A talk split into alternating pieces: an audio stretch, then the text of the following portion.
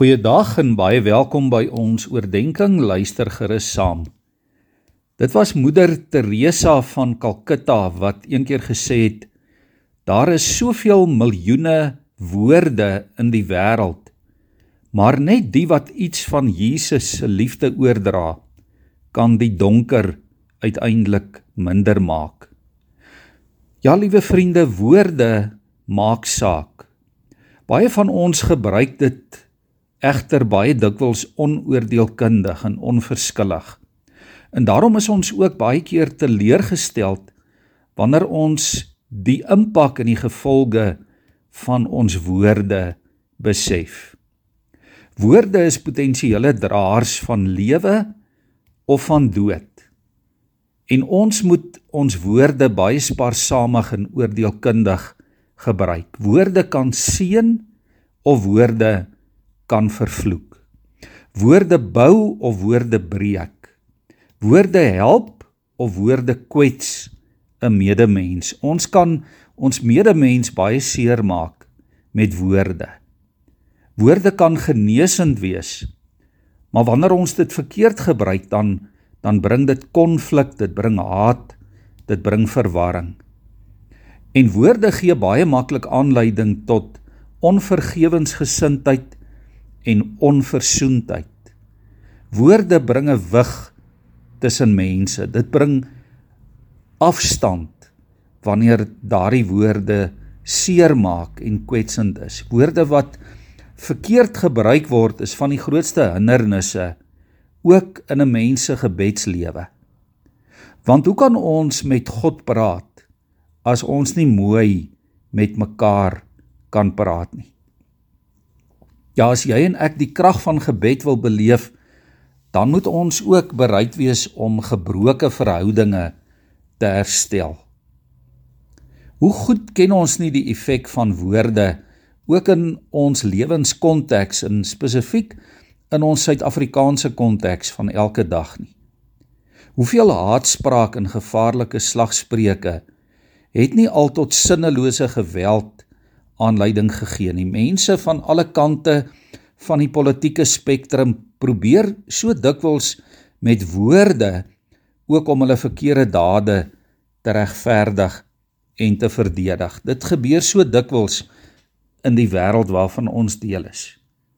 Daar's 'n pragtige voorbeeld van die oud professor Nico Smit wat daar naby Pretoria in 'n informele woongebied gewoon het en hy het op 'n dag 'n begrafnis daar in die township waargeneem. Daar was duisende mense teenwoordig en toe skielik het van die begrafnisgangers 'n informant tussen hulle raak gesien. Hulle wou hom sommer net daar teregstel deur hom lewendig te verbrand. En professor Smit het sy lewe gewaag deur tussen beide te tree. En toe sê hy die volgende woorde wat hy glo van God afgekom het. Terwyl die ongelukkiges daar rondom die arme man saamdrom, het hy hulle in die oë gekyk en vir hulle gesê: In die naam van die Here pleit ek by julle om nie hierdie man dood te maak nie. En skielik het iemand tussen die skare begin hande klap. Daardie wrede teregstelling het nie plaasgevind nie. Liewe vriende, ons woorde moet God se wil kommunikeer. Dit moet die donker ligter maak. Dit moet gekenmerk word ons woorde deur liefde en vrede en seën. Anders word vertroue uiteindelik vernietig. Reputasies word stikkend geskeur. Gerugte skinderstories word versprei. Families versplinter deur verkeerde woorde en gemeenskappe word op so 'n manier verdeel. Mense word deur woorde ook dikwels van God vervreem. En daarom vandag kom ons tel ons woorde. Kom ons sit te wag voor ons mond. Kom ons dink twee keer voordat ons praat. Hier in Spreuke 12 vers 18 lees ons praat sonder om te dink kan soos dolksteke wees. maar wyse mense bring genesing met dit wat hulle sê. Spreuke 18 vers 21 sê die tong het mag oor dood en lewe.